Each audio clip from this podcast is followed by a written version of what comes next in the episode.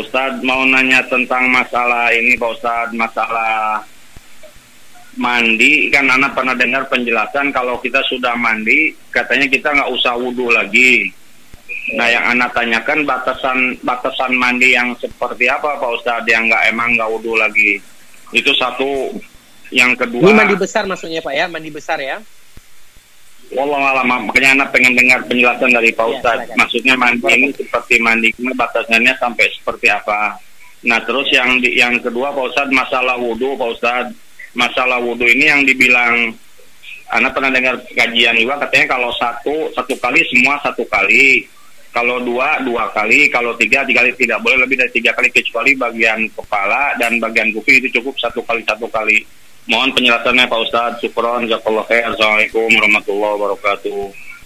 Waalaikumsalam warahmatullahi wabarakatuh. Semoga Allah menjaga keluarga bapak kita yang bertanya. Allah memberikan kepadanya kesehatan dan Allah memberikan kepadanya taufik dan hidayah di dunia dan di akhirat.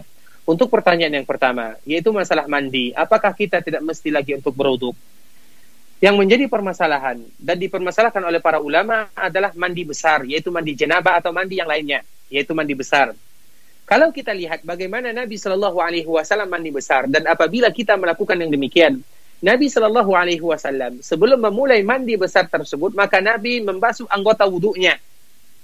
Nabi Shallallahu Alaihi Wasallam ketika mandi janabah maka Nabi Shallallahu Alaihi Wasallam membasuh tangannya, kemudian uh, membasuh mukanya, kemudian tangannya sampai ke sikunya, kemudian mengusap kepalanya. Sedangkan kaki Nabi Shallallahu Alaihi Wasallam kadang membasuhnya dan kadang mengakhirkan mencuci kakinya karena bisa jadi nanti apabila dibasuh ada kotoran karena air apabila di misalnya air masih mandi maka akan ada kotoran-kekotoran yang menempel di kaki tersebut sehingga Nabi Shallallahu Alaihi Wasallam mengakhirkan untuk membasuh kaki. Apabila demikian cara kita mandi maka tidak usah lagi kita beruduk karena kita sudah beruduk.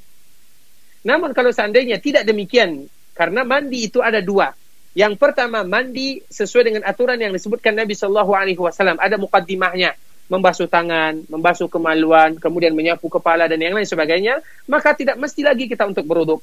Namun apabila kita mandi, langsung misalnya terutama pakai shower, kemudian langsung kita mandi, kemudian disiramkan air ke seluruh tubuhnya, maka kita hendaklah beruduk di akhir daripada kita mandi tersebut. Walaupun di sini terjadi perbedaan para ulama, seperti yang disebutkan oleh Ibnu Aqil Al-Hambali rahimahullahu taala namun lebih bagus kita kalau seandainya tidak seperti yang tadi kita sebutkan dan tata cara yang disebutkan Nabi Shallallahu alaihi wasallam maka hendaklah kita berwudhu. Jadi di sini ada dua permasalahan. Bagaimana caranya kita mandi? Apabila cara mandi tersebut adalah cara mandi sebagaimana yang dipraktekkan Nabi Shallallahu alaihi wasallam maka tidak mesti lagi kita berwudhu karena kita sudah membasuh anggota wudhu di dalam mandi tersebut. Sedangkan kaki diakhirkan atau diawalkan sesuai dengan keadaan. Sedangkan kalau tidak, maka hendaklah kita beruduk. Kemudian pertanyaan yang kedua, untuk masalah beruduk, apakah kita membasuh satu kali, dua kali, tiga kali? Kadar wajib dan ada kadar sempurna. Dan Rasulullah Shallallahu Alaihi Wasallam mempraktekkan ketiga-tiganya. Kadang Nabi membasuh satu kali, membasuh dua kali, dan membasuh tiga kali, kecuali tempat-tempat yang disapu hanya satu kali, seperti kepala, mengusap kepala, dan telinga.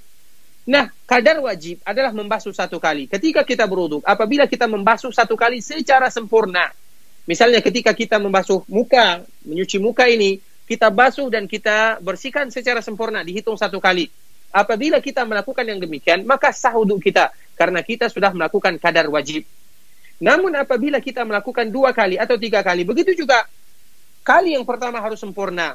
Kemudian kali yang kedua ada harus sempurna, maksudnya membasuh anggota muka kini kita ini dan anggota wuduk yang lainnya. Itu pun dilakukan Nabi Shallallahu Alaihi Wasallam sebagaimana yang diriwayatkan di dalam hadis-hadis yang berkaitan dengan tata cara wuduk Nabi Shallallahu Alaihi Wasallam. Nah, mana pun yang kita lakukan satu kali secara sempurna, dua kali secara sempurna atau tiga kali secara sempurna, maka boleh kita melakukan ketiga-tiganya sesuai dengan keadaan kita. Namun wuduk tersebut dibasuh secara sempurna. Misalnya satu kali secara sempurna, dua kali juga secara sempurna, tiga kali juga secara sempurna. Boleh kita lakukan. Kalau kita memilih satu-satu juga boleh. Kalau kita memilih dua-dua juga boleh. Kalau kita melakukan tiga-tiga juga boleh. Karena Nabi melakukan itu semua. Sedangkan masalah apakah muka satu kali, tangan tiga kali, tentunya kita harus adil. Dan di antara salah satu syariat Islam adalah adil. Kalau seandainya kita membasuh muka satu kali, maka begitu juga tangan dan kaki satu kali secara sempurna. Kalau dua kali begitu juga, kalau tiga kali begitu juga, sehingga kita beraku adil terhadap tubuh dan anggota wudhu kita ini. Bukankah Nabi Shallallahu Alaihi Wasallam melarang seseorang apabila satu kakinya memakai sandal, kemudian satu yang lain tidak memakai sandal, tidak boleh demikian. Atau salah seorang di antara manusia atau hamba Allah yang mereka berjemur, satu anggota badannya sebahagiannya terkena matahari, sebahagiannya tidak, maka kita dilarang yang demikian. Kenapa? Karena juga kita harus berlaku adil terutama terhadap tubuh kita ini. Semoga Allah menjaga kita. Barakallahu fiikum wa jazakumullahu khairan.